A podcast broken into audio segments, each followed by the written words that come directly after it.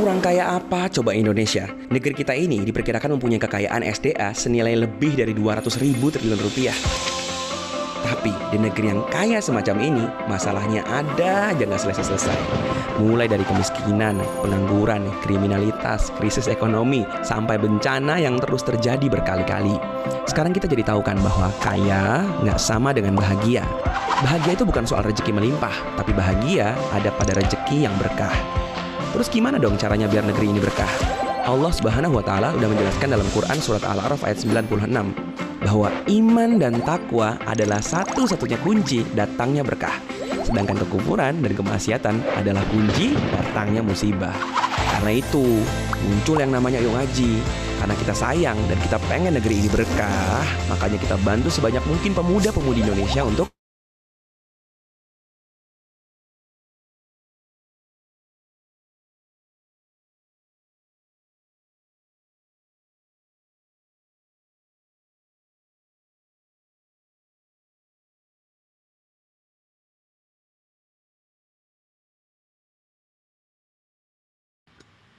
Bismillahirrahmanirrahim.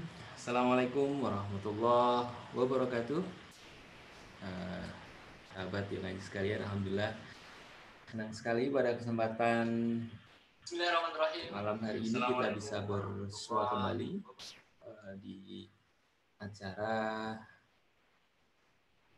yuk ngaji online dan hari ini karena hari. Rabu eh, eh. kita ada di rubrik Yuk Tanya Ustadz ya. Alhamdulillah pada kesempatan hari ini kita sudah kehadiran tamu. Kita Ustadz Kiai Haji Hafiz Abdurrahman kita sapa dulu beliau. Ustadz Assalamualaikum warahmatullahi wabarakatuh. Waalaikumsalam warahmatullahi wabarakatuh. Ya Alhamdulillahirobbilalamin. Suara saya dengar Mas ya? Eh, ya, alhamdulillah Zat. Uh, suaranya terdengar. Tadi awal-awal uh, kayaknya ke silent atau ke mute gitu ya. alhamdulillah Zat. Uh, gimana kabarnya? alhamdulillah baik, baik. Baik ya. Alhamdulillah. Uh, ini kalau dari hisap satu hari lagi Zat ya puasa kita masuk bulan Ramadan. Iya. Yeah. Uh, kemungkinan hari besok hari apa ya? Besok hari Kamis ya. Iya. Kamis ya kemungkinan kalau pakai hisap ya uh, hari Jumat. Hmm. Ya kan. Tapi uh, karena sekarang tanggal 29 ya sekarang ya. Hmm. Uh, Saban jadi ada ada kemungkinan ya dari tapi ya nanti dilihat informasinya. Iya, iya, iya. Oke. Ini sebagai awalan pertanyaan, Ustaz. Uh, kan ada metode hila, ada metode rukyat, ada metode hisab dalam penentuan uh, awal dan akhir Ramadan. Ada juga uh, rukyat sendiri, ada rukyat lokal ya, ada rukyat global. Menurut Ustadz ini dari berbagai macam pendapat ketika mengawali Ramadan atau mengakhiri Ramadan ini seperti apa Ustadz? Ya hadis Nabi kan uh, jelas ya. Jadi kalau kita merujuk kepada hadis Rasulullah SAW yang uh, menyatakan sumu liru'yati wa aftiru liru'yati jadi puasalah kamu liru'yati karena melihat hilal. Wa aftiru liru'yatihi dan berhari rayalah kamu karena melihat hilal. Itu hadisnya. Gitu. Nah, karena itu eh, dalam konteks sumu liru'yatihi wa aftiru liru'yati itu pendapat jumhur ulama dari empat madhab ya itu eh, kecuali madhab syafi'i semua sepakat terkait dengan ru'yah eh, karena di situ konteks hitopnya seruannya itu kan jamak ya. Sumu puasalah kalian semua gitu. Berarti eh, di sini uh, ru'yahnya itu satu ru'yah untuk semua gitu, bukan bukan satu ru'yah hanya berlaku untuk uh, matlak tempat terbit hmm. bulan di kawasan tertentu sebagaimana uh, madhab syafi'i. Nah, jadi karena itu uh, terkait dengan satu matla, artinya tempat terbitnya bulan tadi, dijadikan patokan dengan radius tertentu itu merupakan pendapat madhab syafi'i. Sedangkan eh, pendapat madhab yang lain satu matlah itu berlaku untuk seluruh dunia. Nah, itu yang tadi saya sebutkan ini merupakan pendapat uh, jumhur. Hmm. Nah jumhur kemudian itu, jumhur itu apa sih? Kebanyakan atau ya jumhur, jumhur itu jumhur itu ya jumhur itu ya, kan ini kan sebut saja ada empat ada empat madhab ya kan? Ada empat madhab. Kemudian eh, dari empat madhab itu tiga yang berpendapat seperti itu berarti itu disebut jumhur empat madhab. Ya kecuali madhab syafi'i gitu. Nah, kalau dasar yang dipakai dari kalangan madhab syafi'i mengenai satu masalah untuk wilayah tertentu nah itu juga ada dasarnya dasarnya itu adalah hadis dari Quraib itu. Nah, jadi ini kaitannya dengan dialog antara Quraib dengan uh, Ibnu Abbas.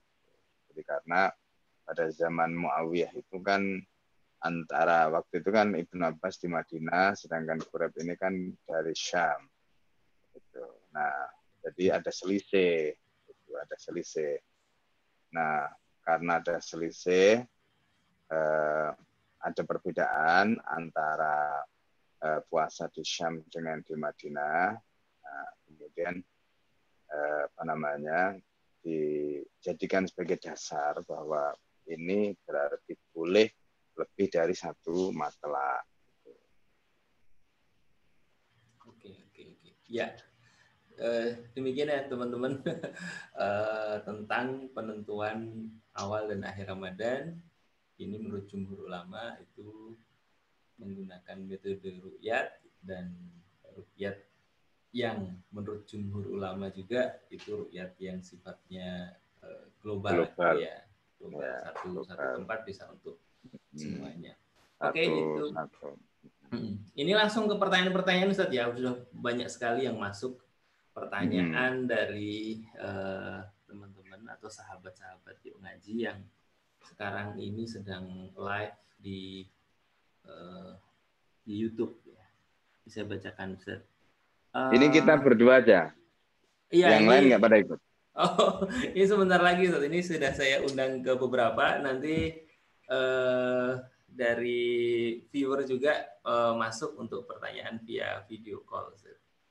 Tapi uh, teman-teman yang ngaji yang lain, tim yang ngaji sedang uh, kita undang untuk bisa masuk di forum kita ini. Uh, gini Ustadz, ada pertanyaan. Ustadz, uh, ini dari uh, Nafirda ya, Nafirda ya. Uh, Ustadz, saya seorang guru yang tengah WFH ya, jadi work from home ya, jadi kerja di rumah. Hanya kebagian jadwal mengajar dua minggu sekali sedangkan saya menerima gaji tetap seperti biasa. Pertanyaannya, apakah gaji saya halal, Ustaz? Jadi. Ya. mungkin yang yang yang regulernya ya biasanya ngajar setiap hari. Nah ini karena karena kondisi seperti ini ngajarnya hanya dua kali dan mungkin lewat online. Nah ini status gajinya seperti apa kalau kalau kondisinya seperti ini? Ya. Yang pertama saya ingin jelaskan dulu ya. Jadi halal dan haramnya gaji itu dilihat dari yang yang pertama itu adalah akad uh, karena dalam konteks kerja sebagai guru itu akadnya adalah akad ijaroh. Akad ijaroh itu dijelaskan oleh para ulama akdun ala manfaatin biiwad. Gitu. Jadi akad terhadap jasa Nah, dengan ada kompensasi. Nah, yang menentukan uh, iwat atau kompensasi itu halal atau haram itu tergantung jasanya. Ya kan? Nah, ketika mengajar itu jasa yang halal, maka berarti eh, iwatnya tadi halal. Nah, persoalan berikutnya adalah bagaimana dengan kalau misalnya, jadi begini, dalam eh, akad ijarah itu ada dua jenis jenis ajir ya. Ajir yang pertama itu disebut dengan ajir mustarok, ajir yang artinya satu orang itu dia menerima banyak order dari banyak majikan. Contoh seperti penjahit. Penjahit itu e, menerima banyak order dari mana-mana. Itu berarti namanya ajir mustarok. Artinya dia tuanya banyak. Dalam konteks penjahit tadi, yang penting jahitannya selesai gitu. Enggak enggak dihitung berapa jamnya gitu. Yang penting orderannya selesai. Itu berarti dasarnya itu adalah sesuai dengan manfaat yang diperlukan. Tapi ini berbeda dengan ajir khos. Ajir khos itu adalah buruh atau pekerja yang bekerja untuk uh, tuan atau majikan tertentu dengan jadwal atau dengan jam tertentu. Contoh seperti tadi guru misalnya. Biasanya uh, dalam satu minggu, uh, misalnya dalam satu hari dia katakanlah 8 jam jadwal kerjanya. Kemudian dalam satu minggu uh, masuk lima hari misalnya berarti kan 8 kali eh, 5. 5. Berarti berapa itu? 40 kan? Misalnya 40 jam. Terus karena sekarang ada namanya work for home misalnya gitu. Nah, jadi sebenarnya dalam kasus work for home seperti ini itu itu hanya memindahkan tempat saja sebenarnya, memindahkan tempat saja. Jadi yang semula apa namanya tempatnya di jadi yang semula itu tempatnya di sekolah misalnya gitu, nah sekarang dipindah ke rumah. Gitu.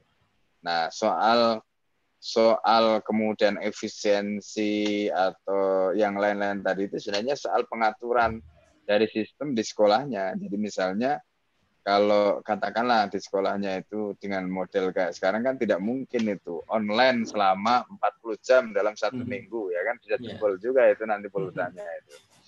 Nah, dalam kondisi seperti itu, misalnya sekolah membuat kebijakan dalam satu hari mungkin cukup sejam dua jam, misalnya gitu. Berarti terjadi pengurangan, ya kan?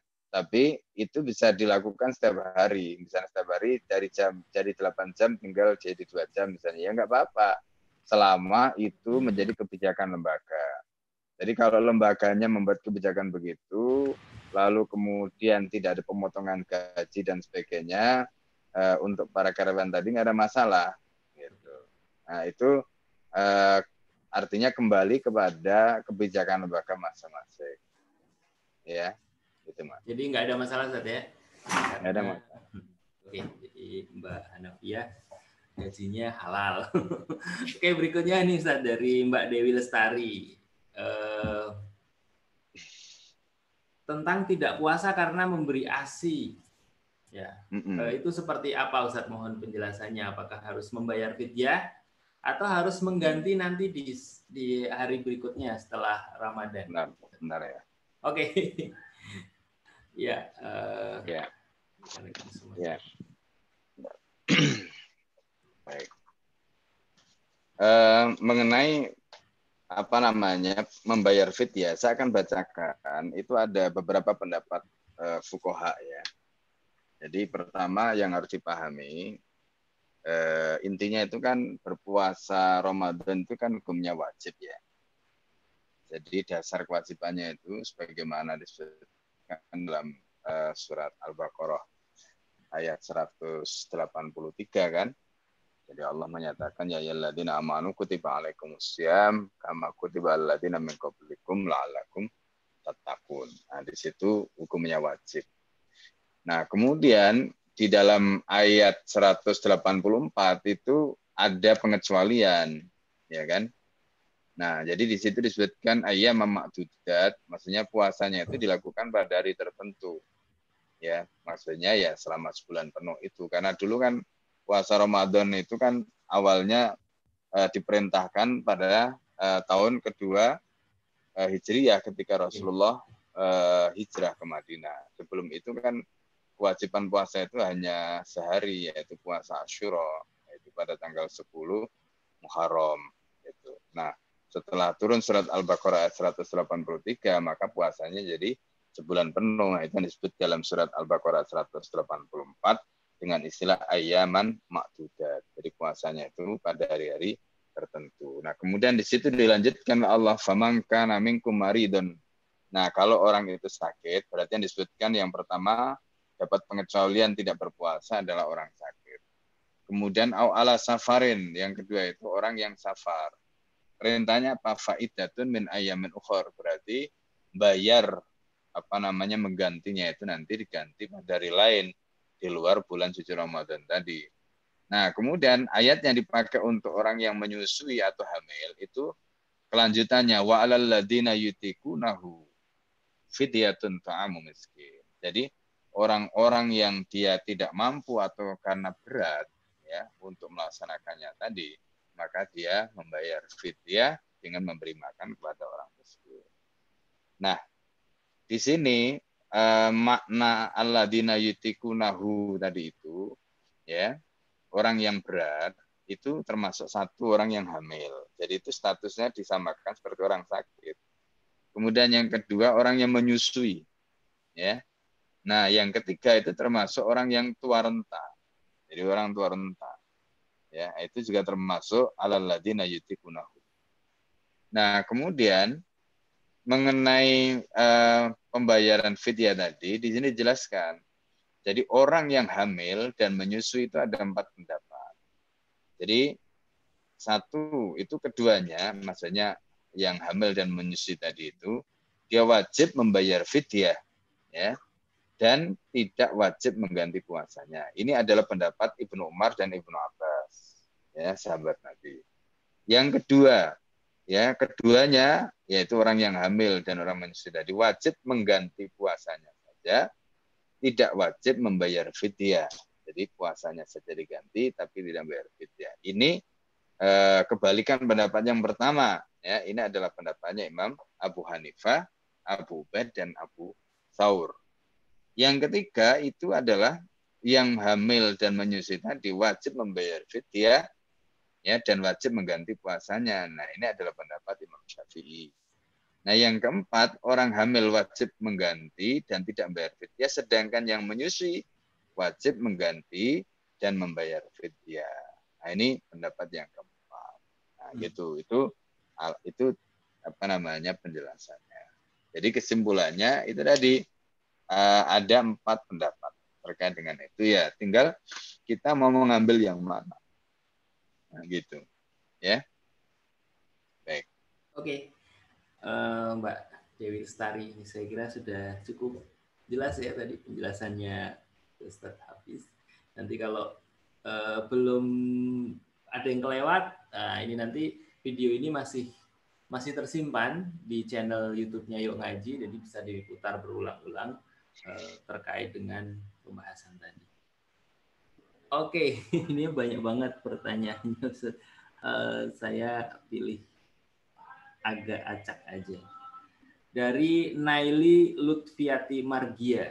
Pertanyaannya adalah, Ustadz, eh, bagaimana hukumnya ketika kita minta ganti rugi dalam bentuk uang sebagai kompensasi karena desain saya dipergunakan orang lain tanpa izin? lalu dia pergunakan untuk diperjualbelikan tanpa sepengetahuan saya. Jadi dia mendesain mendesain eh, mungkin desain grafis atau desain arsitektur atau desain fashion gitu ya ini nggak spesifik dikatakan kemudian desainnya ini dipakai orang lain mungkin dipakai untuk uh, apa ya dipakainya ini belum jelas juga apakah dijual atau dipakai dalam bentuk dia pergunakan misalnya untuk uh, majalahnya atau dipakai untuk uh, yang lain gitu ya. Ini boleh boleh nggak kita minta ganti rugi saat kepada orang yang memakai yang dia itu uh, tanpa izin memakai uh, karya yang kita kita hasilkan. Gitu, yang yang pertama yang harus dipahami begini. Di dalam Islam itu eh, masing-masing karya tadi itu diakui atau dihargai ya, sebagai eh, hak milik. Ya. Nah, jadi ketika seseorang itu katakanlah misalnya dia punya karya, misalnya seperti tulisan atau seperti desain atau apa tadi. Nah, jadi dalam kasus seperti tadi itu nisbat kepemilikannya itu adalah kepada yang membuat. Nah, eh, ketika karya itu sudah dipublis keluar, ya sudah dipublis keluar, artinya orang lain bisa memanfaatkan karya itu. Nah, di sinilah eh, terkait dengan hak cipta itu apakah ada atau tidak di dalam Islam. Nah, kalau kita merujuk kepada eh, konteks ini, yang tidak boleh itu adalah ketika kita itu katakanlah misalnya memanfaatkan karyanya orang lain, kemudian eh, karya itu dalam tanda petik tadi itu kita nisbatkan kepada orang yang tidak punya hak. Nah, jadi misalnya contoh nih, ada buku, buku misalnya katakanlah judulnya apa gitu, karya uh, penulis tertentu, tapi tiba-tiba namanya diganti dengan nama orang lain. Nah ini tidak boleh. Ini nanti masuk dalam kategori uh, penipuan. Gitu. Nah dalam kasus seperti ini eh, bahayanya penipuan itu itu kalau ada apa-apa eh, bisa artinya ada ada keuntungan bisa diterima oleh pihak pihak apa eh, orang yang punya namanya dipakai tadi ya. Begitu juga kalau misalnya ada problem ya ini juga eh, ada dampaknya. Nah karena itu menisbatkan karya bukan kepada orang yang punya hak tadi itu sebenarnya tidak boleh karena ini masuk dalam kategori penipuan. Nah, jadi saya tidak bicara soal hak cipta di sini karena pada dasarnya ketika itu sudah di uh, launching keluar, sudah diekspor keluar, siapa pun boleh menikmati. Nah, tetapi terkait dengan penisbatan ya penisbatan karya itu kepada orang yang tidak punya hak. Nah, ini masuk dalam kategori penipuan. Nah, itu yang tidak boleh. Nah, jadi karena itu dalam kasus seperti desain tadi, kalau memang faktanya itu adalah karya dia dan memang misalnya dia bisa membuktikan karya tadi itu, ya itu hak dia sebenarnya. Karena dalam hal ini tadi konteksnya itu terkait dengan nanti aspek yang menyangkut soal penipuan itu karena itu berarti menisbatkan karya tadi bukan kepada pemiliknya.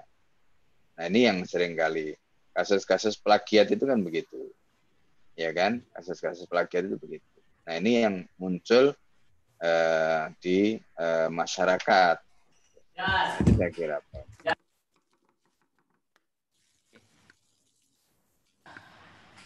Ya, Ustaz. Ini alhamdulillah sudah bergabung juga Mas Cahyo. uh, dan sebentar lagi juga akan bergabung Sifrun. nah ini Mas Cahyo. Itu sampingnya apa itu Mas? Lampu atau uh, kayak kayak makom Ibrahim gitu ya? Iya, ini hadiah. Bukan hadiah sih, ada temen ngasih. Oh, iya iya. Gitu. Oke. Okay. Uh, ini ini bebas tadi ya tanya jawabnya ya. oh mau ada, nanya? Mau nah, nanya? Oh, penting. Boleh, boleh. Ya. Ini Stad, uh, ada pertanyaan titipan dari teman tentang uh, keluarga, yaitu tentang talak. Ya, seperti apa itu talak? Kemudian uh, katanya ada teman yang bilang temennya itu sudah jatuh talak dua. Nah, uh, dalam hal seperti ini bagaimana uh, tentang hukum bagi wanita yang sudah ditalak dua. Bagaimana hubungan mereka? Makasih Ustaz. Ya, uh, di dalam Al-Quran itu disebutkan at-talaku. Jadi talak itu dua kali. Maksudnya at-talaku marrotani itu apa? Jadi dalam hal ini, gini, jadi talak itu ada yang disebut dengan talak uh, bain, bainunah, sugara. Ya, kemudian ada talak bain, uh, Bainanah Kubro. Nah, jadi eh, talak itu dua kali dalam pengertian bahwa ketika orang itu mentalak satu, dia punya hak untuk kembali lagi ya kepada uh, pasangannya tadi. Nah, ketika dia mentalak, kemudian uh, dia kembali pada saat masih masa idah, ya, pada saat masih masa idah, maka dalam hal ini pasangan tadi tidak perlu akad lagi. Nah, ini namanya bain bainuna sughra. Bain itu uh, jadi disebut dengan bain itu dari kata bana itu. Bana ya. Itu maksudnya uh, apa pisah. Jadi bain bainuna sughra, jadi perpisahannya tadi disebut kecil. Ada bain bainuna kubro. Nah, uh, ketika dia sudah melewati masa idah, kemudian setelah itu dia mau balik lagi, ya kan masa idahnya kan tiga bulan misalnya. Terus dia mau balik lagi. Setelah lewat tiga bulan, ketika dia mau balik lagi, maka di situ perlu akad baru, ya kan? Nah, ini perlu akad baru. Nah, kemudian jadi istilahnya yang tadi bisa kembali itu disebut juga istilah rojai. Rojai itu artinya balik. Jadi bisa balik. Nah, jadi yang pertama begitu dia ditalak, dia punya kesempatan untuk rujuk. Ya, dan dia rujuknya tidak harus ada akad lagi kalau rujuknya itu selama masih masa idah. Kalau dia sudah keluar dari masa idah, lepas dari masa idah, berarti akad lagi seperti pengantin baru lagi. Ada wali, ada saksi, ada mempelai. Nah, tapi intinya eh, dia masih bisa balik. Ya. Nah, itu talak pertama, talak kedua, maka disebut atau laku marotan. Nah, berbeda dengan talak yang ketiga. Nah, talak yang ketiga, ya talak yang ketiga tadi itu dia tidak bisa balik. Nah, ketika dia tidak bisa balik, maka harus ada laki-laki lain yang menikahi istrinya tadi, ditiduri, ya, dan itu tidak boleh ada kesepakatan antara uh, suami pertama dengan yang kedua tadi, ya. Setelah itu kalau dia mau balik lagi dengan bekas istrinya tadi ya suami yang kedua tadi mencerai. Nah itu itu tidak boleh ada ada konspirasi ya dengan temannya tadi. Jadi supaya uh, dinikahi bekas istrinya karena dia masih pengen balik lagi. Kemudian setelah itu uh, misalnya dibikin kesepakatan ya nanti boleh ditiduri tapi jangan lama-lama misalnya boleh tiduri jangan misalnya apalah gitu nah, itu enggak kong kali kong nah, Ya, kong kali kong itu namanya muhalil. Itu muhalil nggak boleh di, diharamkan. Nah, itu ketentuannya. Jadi eh, intinya, nah dalam masa idah tadi, jadi dalam masa idah tadi dia boleh tinggal eh, di rumah apa namanya eh, laki-laki eh, tadi nggak ada masalah. Hmm. Itu, ya. Nah, jadi karena eh, di dalam masa idah tadi dia masih bisa balik lagi. Gimana Mas Cahyo? Siap. Masih bisa uh, balik lagi ya, maksimal yang kedua, maksudnya yang, yang, yang kedua ya. Dalam masa idah. dalam masa idah. Setelah dan, itu harus dan, ada akot seperti yang biasa. Oke, gimana tadi? Ya.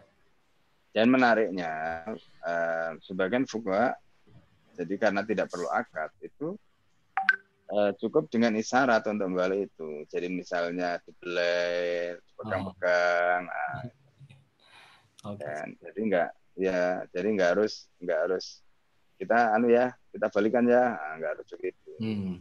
Ya, ya. Kode aja tadi ya. Ya. Kode aja. Boleh non verbal. ya, mau mau kode keras, mau kode lunak enggak apa-apa. Oke, oke, oke. Eh ya sahabat yuk ngaji semuanya ya yang ada di YouTube ini ya. Uh, silahkan bagi yang ingin bergabung di channel Zoom uh, ngobrol bareng kita itu linknya sudah ada ya. Atau kalau mau swipe itu ada di Instagram di story Instagram. Bisa di swipe untuk kita gabung.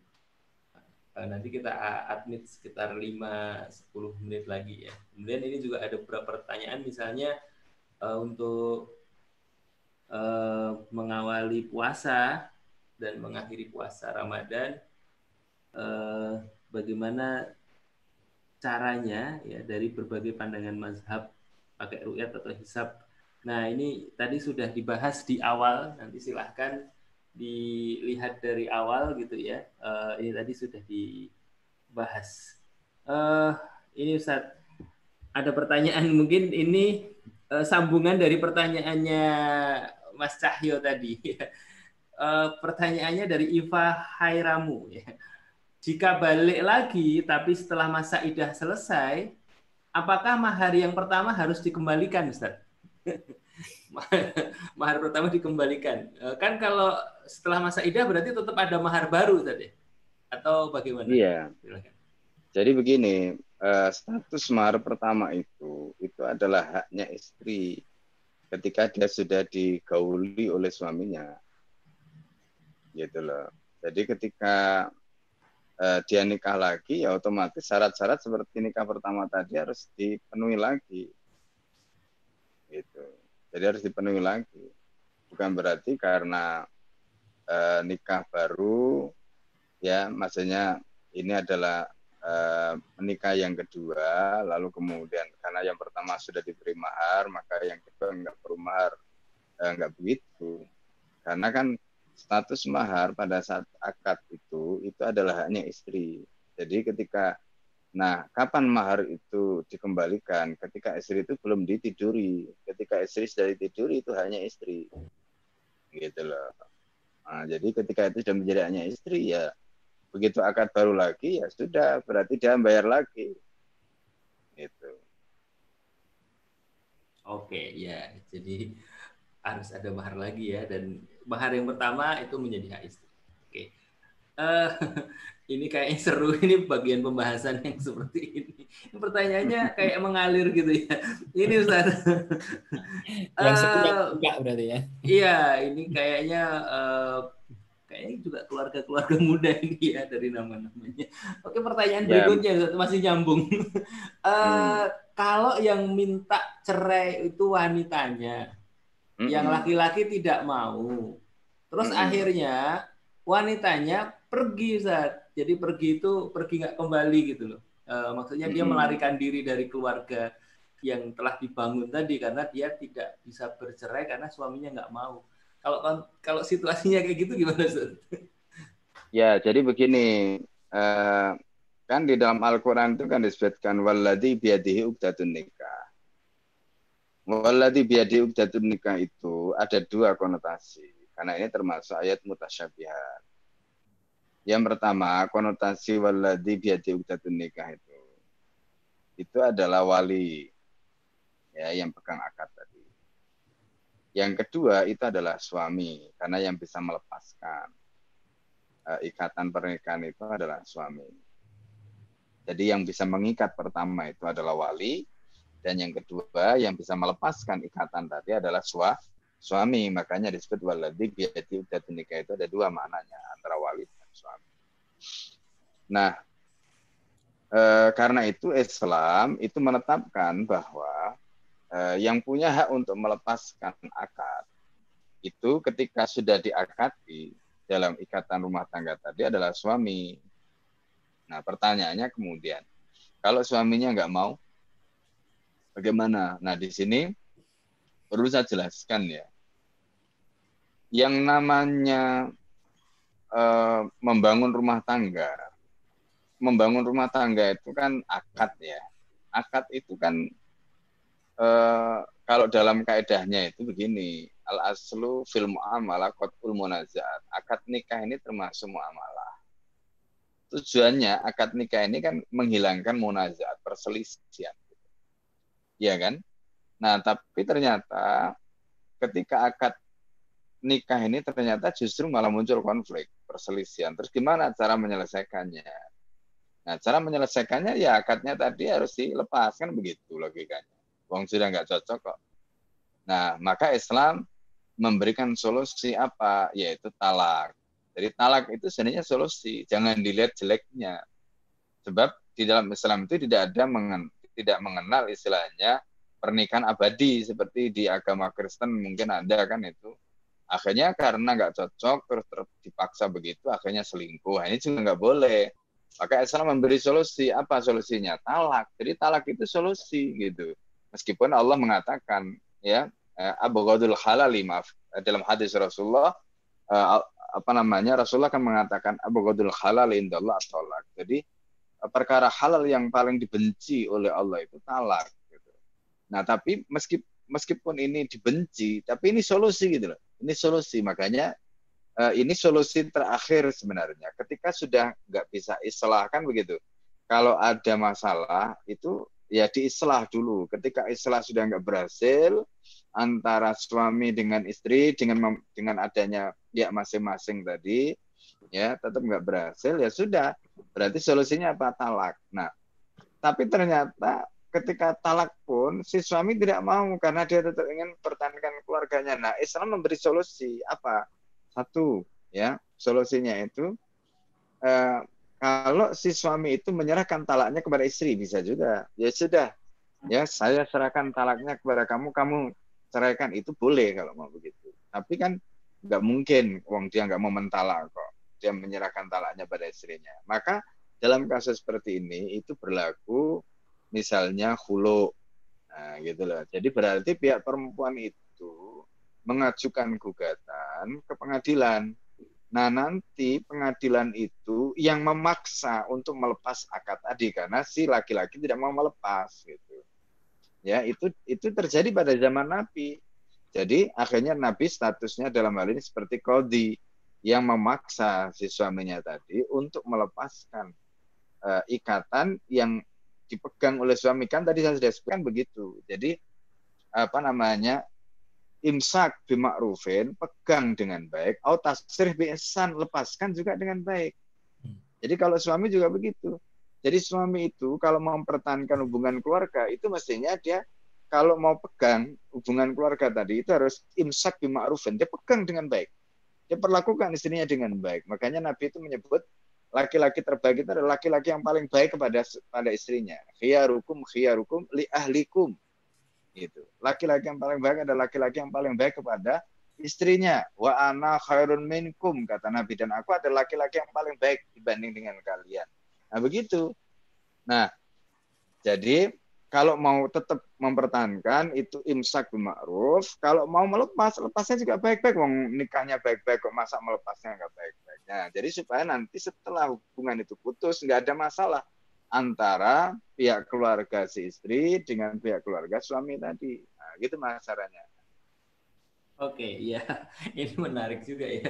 Uh, jadi jangan jangan pergi ya, jangan pergi ini ada solusinya dengan uh, mengajukan hulu ya nanti akan uh, membayar iwat dan seterusnya. Jadi Nah, is, is, ini ini ini ini ini saran saja. Ini hmm. kelihatannya mungkin karena banyak ya kan banyak apa namanya kasus-kasus begini itu bagus juga itu apa namanya dibikin uh, pembahasan khusus gitu apa. Iya.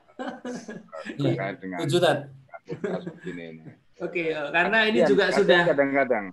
hmm sudah ada yang protes kenapa kok bahasnya pernikahan semua ini kenapa nggak bahas tentang puasa iya. oke okay. uh, eh, ini juga ada yang uh, melanjutkan pertanyaan tadi tapi kita kita hold dulu karena memang kita nanti sampai jam 9 saja insya Allah hari ini uh, jadi biar uh, teman-teman bisa gabung uh, terus nanti setiap uh, Rabu malam ya uh, ini sudah ada yang bergabung ada 25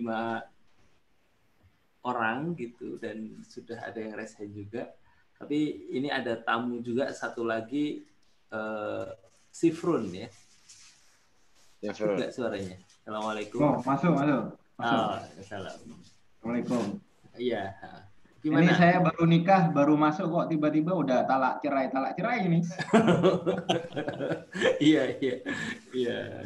Eh, kaget ya uh, pembahasan malam ini ya. Oke. Okay. Ini mau ada yang disampaikan pertanyaan atau mau menyimak saja? Nyimak, nyimak. Nyimak aja. Oke. Okay. Nyari berkah Kiai. Oke, okay. ini saya unmute ya. Nanti Mbak Dian Aini, kemudian Arifa uh, Nak, kemudian Asri Yustika. Ini tiga dulu uh, kita dengar mau bertanya apa ya, di rubrik yuk nanya Ustadz. Mbak Dian Aini silahkan. Bismillahirrahmanirrahim. Assalamualaikum warahmatullahi wabarakatuh. Waalaikumsalam warahmatullahi uh, Boleh tanya beberapa pertanyaan ya Ustadz? Uh, satu aja. Oh, Ini oh, waktu kita terbatas. Silakan oh, Mbak Dian. Ya. Oh, ya. Yang paling uh, penting aja.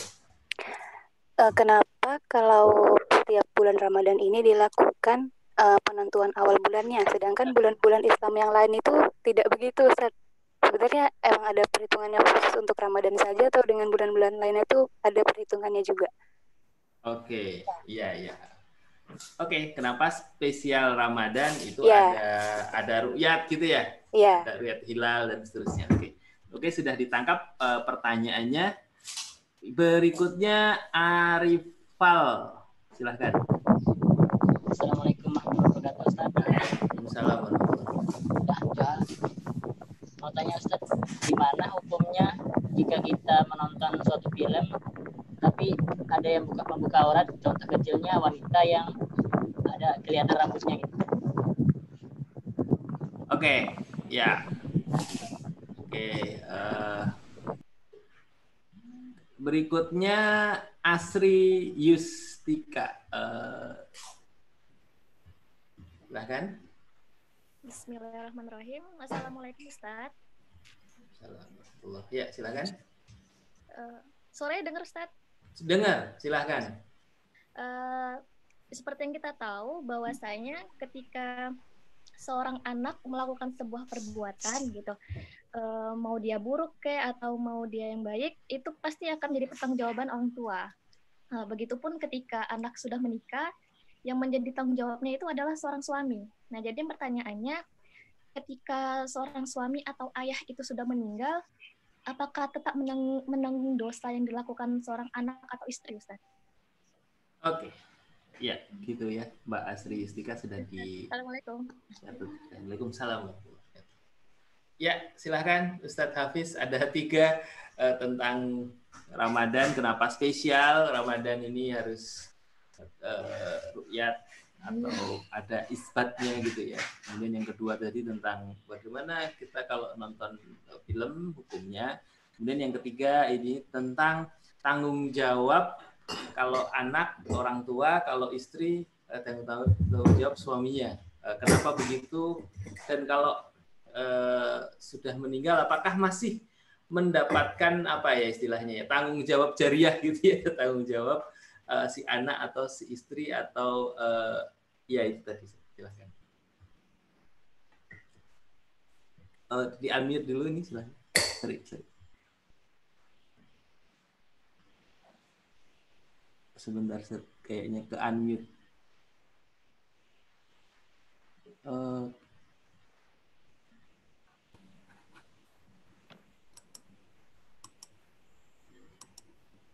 Halo. Ya. Nyala. Silakan. Nyala silakan. Baik. Ya. Jadi pertama, kenapa bulan Ramadan, jadi awal dan akhir Ramadan itu eh, ditentukan dengan ru'yah, gitu. ya kan? Atau ada isbatnya tadi. Jadi sebenarnya eh, begini, ketentuan terkait dengan adanya isbat seperti itu, itu tidak hanya berlaku untuk Ramadan saja, tetapi kenapa Ramadan itu yang sering? Karena memang Ramadan itu terkait dengan satu puasa itu kan jelas tanggal dimulai sebulan penuh dan itu dimulai tanggal satu Ramadan. Kemudian Idul Fitri itu di juga dimulai satu Sawal dan berarti harus tahu akhir Ramadannya. Nah, karena hadisnya tadi mengatakan sumu liru yatihi wa aftiru liru yatihi. Nah, itu itu dasarnya karena itu kemudian negara menyelenggarakan apa yang kemudian disebut isbat. Nah, kenapa negara harus melakukan isbat? Nah, ini kaitannya dengan uh, jam'u kalimatil muslimin. Gitu. Jadi mengumpulkan uh, suara kaum muslimin. Sebab nanti kalau masing-masing melakukan sendiri-sendiri, nggak ada yang menyatukan. Nah, ini bisa gawat. Gitu. Nah, itulah fungsi negara. Amrul imam yarfal khilaf. Jadi perintahnya imam itu menghilangkan perselisihan. Nah, tetapi yang harus dicatat, ini sebenarnya bukan hanya untuk Ramadan. Buktinya apa? Ketika bulan haji. Bulan haji itu untuk menentukan misalnya kita ini kapan mulainya haji. Kan eh, disebutkan bahwa haji itu al-hajju arafah. Haji itu adalah di arafah. Nah, arafah itu kan tanggal 9 Nah, tapi untuk mengetahui tanggal 9, tanggal 10 itu kan harus tahu tanggal 1. Nah, karena itu pada saat bulan haji pun dilakukan isbat yang sama. Hanya bedanya kalau bulan Dhul Hijjah itu uh, isbatnya mengikuti Amir Mekah ya karena Arafahnya ada di sana nah, gitu.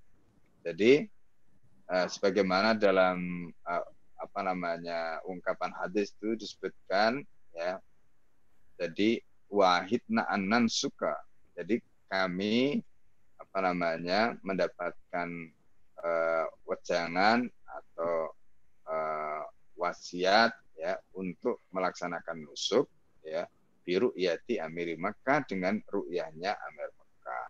Nah, itu. nah, jadi ini yang dijadikan patokan. Nah, karena itu ketika Amir Mekah sudah menentukan satu Dhul Hijjah jatuh hari apa, nah baru nanti ketahuan di situ oh berarti tarwiyahnya tanggal 8 nanti hari apa, uh, Arafahnya tanggal 9 hari apa, Dhul Hijjahnya 10 Dhul Hijjahnya hari apa sudah ketahuan. Nah, itu konteksnya dengan pelaksanaan ibadah haji. Ya, jelas ya. Baik. Kemudian yang kedua itu mengenai bagaimana uh, hukum melihat video yang di dalam video itu ada uh, membuka aurat dan sebagainya. Jadi perlu dipahami ya dalam hal ini bahwa hukum video itu sebenarnya adalah jadi begini, saya ingin jelaskan sebelum masuk kepada pembahasan boleh dan tidak. Jadi uh, kita harus bisa membedakan ada yang disebut dengan hadoroh ya Hadoro itu apa? Hadoro itu adalah peradaban. Dalam bahasa Arabnya hadoro itu diartikan dengan majmu'atul mafahim anil hayat, kumpulan pemahaman tentang kehidupan. Ya, di situ ada persoalan yang terkait dengan budaya, terkait dengan macam-macam tadi, ya. Nah, jadi misalnya budaya barat itu berbeda dengan budaya Islam. Nah, itu berarti hadoroh, ya. Nah, hadoroh uh, di luar Islam itu hukumnya haram bagi kaum muslimin ya karena hadarah di luar Islam itu tidak boleh diikuti ya dalam hadis Nabi Rasulullah SAW menyatakan man tasyabbaha biqaumin fahuwa minhum siapa saja menyerupai satu kaum maka dia sama dengan mereka dalam hadis yang lain disebutkan latat tabi anna sunana mangkana qablakum shibran bishibrin wa dira'an bidira'in. Itu. Nah, ini juga merupakan kesamaan. Nah, jadi kesimpulannya eh, tidak boleh kita mengikuti eh, hadarah di luar Islam karena kita punya peradaban sendiri. Nah, itu kita bicara hadarah. Nah, yang kedua itu adalah apa yang disebut dengan madaniyah. Madaniyah itu adalah materi, produk ya. Misalnya contoh eh, apa namanya TV itu madania, laptop itu madania, ya, eh, handphone itu madania. Nah, madania itu ada dua, ada madania yang di dalamnya itu mengandung hadoro, ada madania yang tidak mengandung hadoro. Contoh misalnya salib itu madania, itu materi. ya. Tapi salib itu mengandung hadoroh, karena itu orang Islam haram memakai salib, tidak boleh. Sama seperti misalnya eh, palu arit. Palu arit itu hadoroh, meskipun itu jadi madania ada materinya, tetapi dia mengandung hadoroh. Maka orang Islam tidak boleh memakai simbol palu arit. Nah, ini contoh. Nah, itu artinya ada madania yang mengandung hadoroh. Nah, VCD atau film itu madania sebenarnya. Tapi madania ini mengandung hadoroh. Ya, hadorohnya tadi apa? Nah, itu tadi eh, membuka aurat, kemudian macam-macam tadi itu hadoroh. Nah, jadi tidak boleh. Jadi meskipun ini materi, tetapi karena mengandung hadoroh di luar Islam, maka tidak boleh ya dimanfaatkan, digunakan, disebarkan, dan macam-macam tadi tidak boleh. Nah, gitu.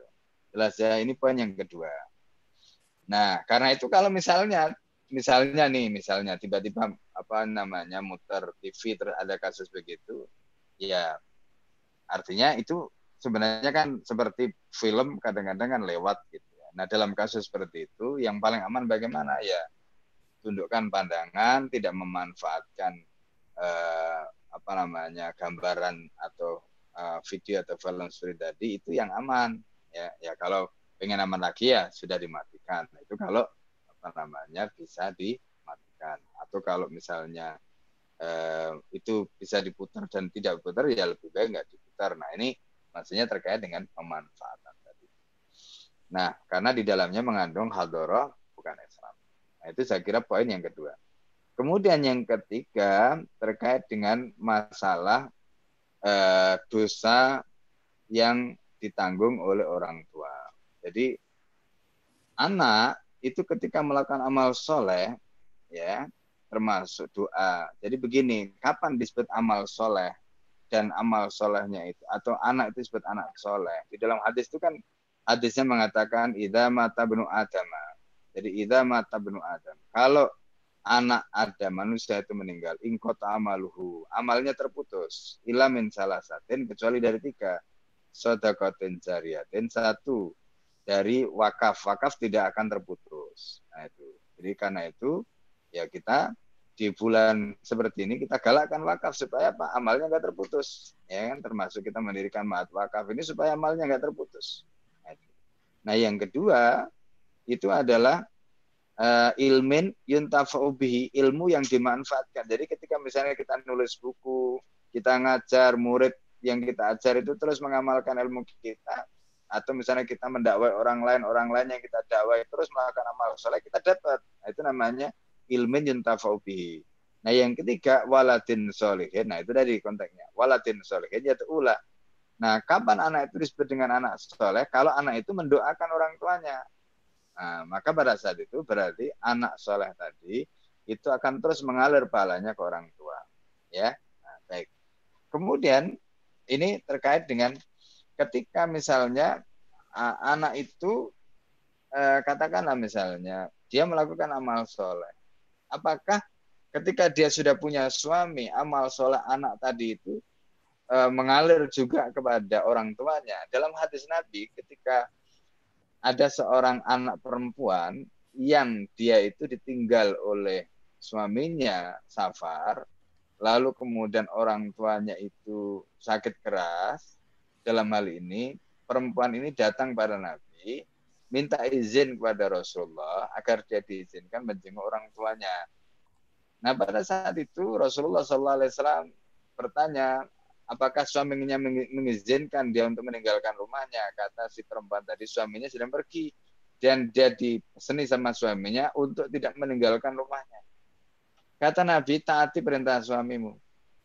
Nah, ketika dia dapat kabar orang tuanya sakit keras, dia datang lagi pada Nabi, ya Rasulullah, apakah sekarang sudah ada rukhsah? Ya, karena ini orang tuanya sudah dalam kondisi sakit keras, sudah sakaratul maut. Kata Nabi, tidak ada. Taati suamimu. Sampai kemudian akhirnya uh, orang tuanya meninggal, lalu kemudian si apa nama jadi orang tuanya meninggal, anak ini pun pengen takziah ke orang tuanya, tapi kata Nabi karena suaminya masih belum datang dan suaminya melarang dia untuk meninggalkan rumah. kata Nabi taati perintah suami sampai kemudian akhirnya orang tuanya dimakamkan dia tidak sempat ma jadi mulai dari menjenguk waktu sakit sampai orang tuanya meninggal. Kemudian apa kata Nabi justru yang mendapatkan ampunan dari Allah karena pahala anak soleh itu orang tuanya ya kenapa karena orang tuanya itu punya anak soleh tadi yaitu perempuan tadi yang dia taat pada suaminya sehingga orang tuanya itu diampuni oleh Allah karena pahala dari perempuan tadi. Nah, itu menunjukkan apa? Berarti amal dari anak tadi sampai ke orang tua. Meskipun dia sudah punya sua, suami. Jelas Mas ya? Oke, okay, ya.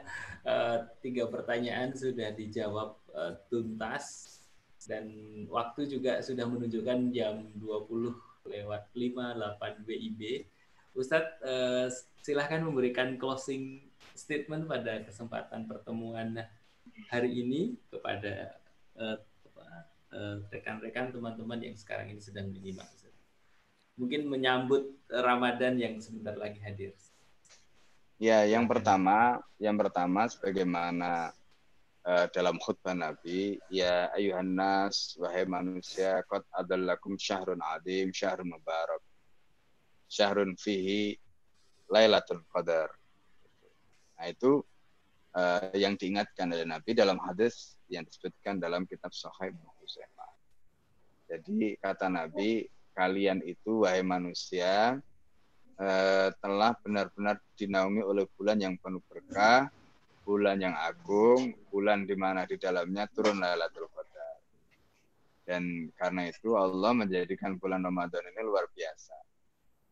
Nah, yang kedua, Ramadan tahun ini mungkin terasa berbeda. Kenapa terasa berbeda? Karena kita tengah uh, menghadapi ujian.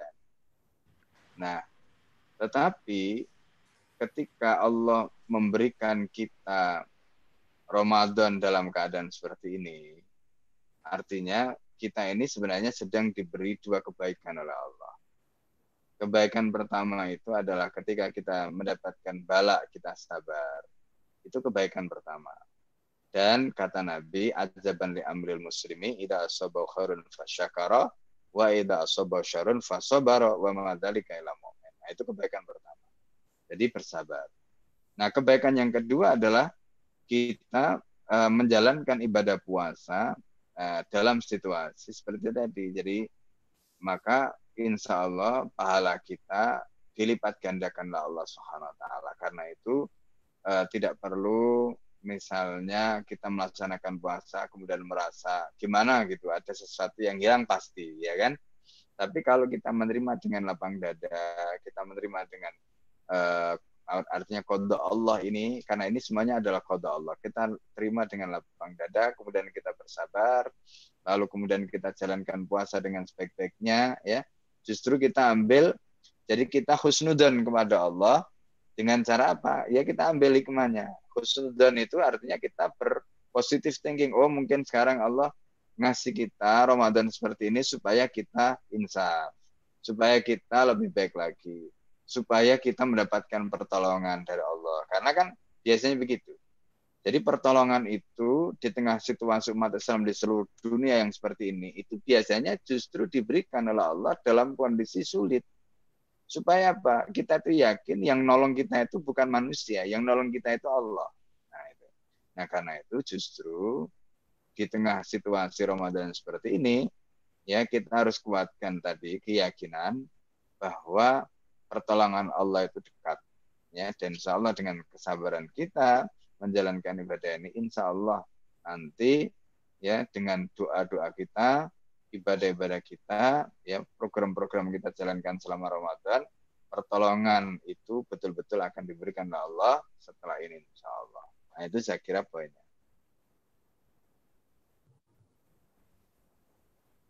Alhamdulillah, terima kasih banyak ini Ustaz sudah meluangkan waktu bersama kita menjawab pertanyaan dari teman-teman semuanya dan uh, saya kira tadi semua pertanyaan dijawab dengan sangat uh, gamblang ya uh, dan memuaskan. Uh, sudah jam 21 lewat 2.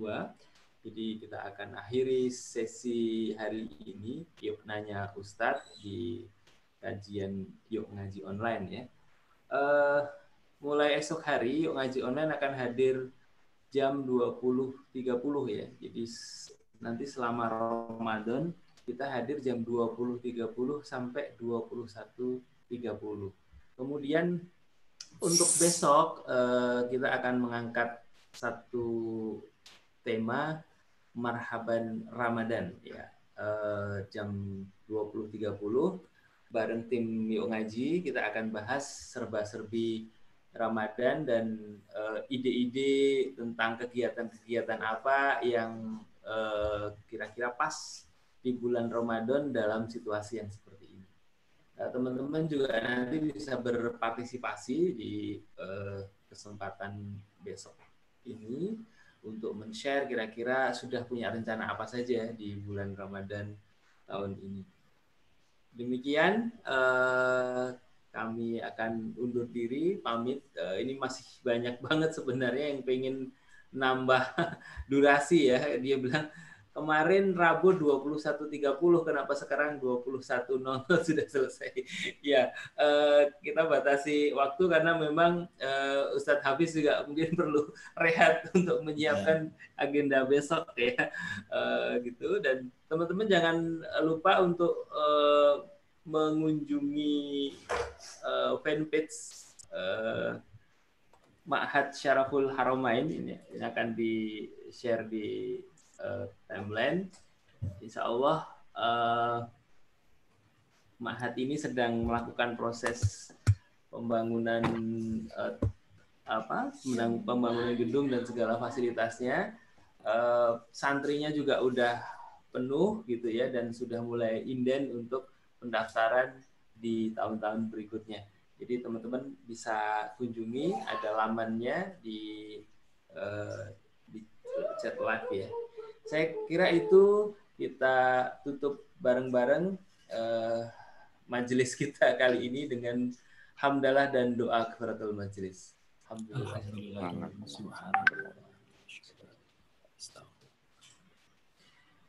Ya. Assalamualaikum warahmatullahi wabarakatuh. Waalaikumsalam warahmatullahi wabarakatuh.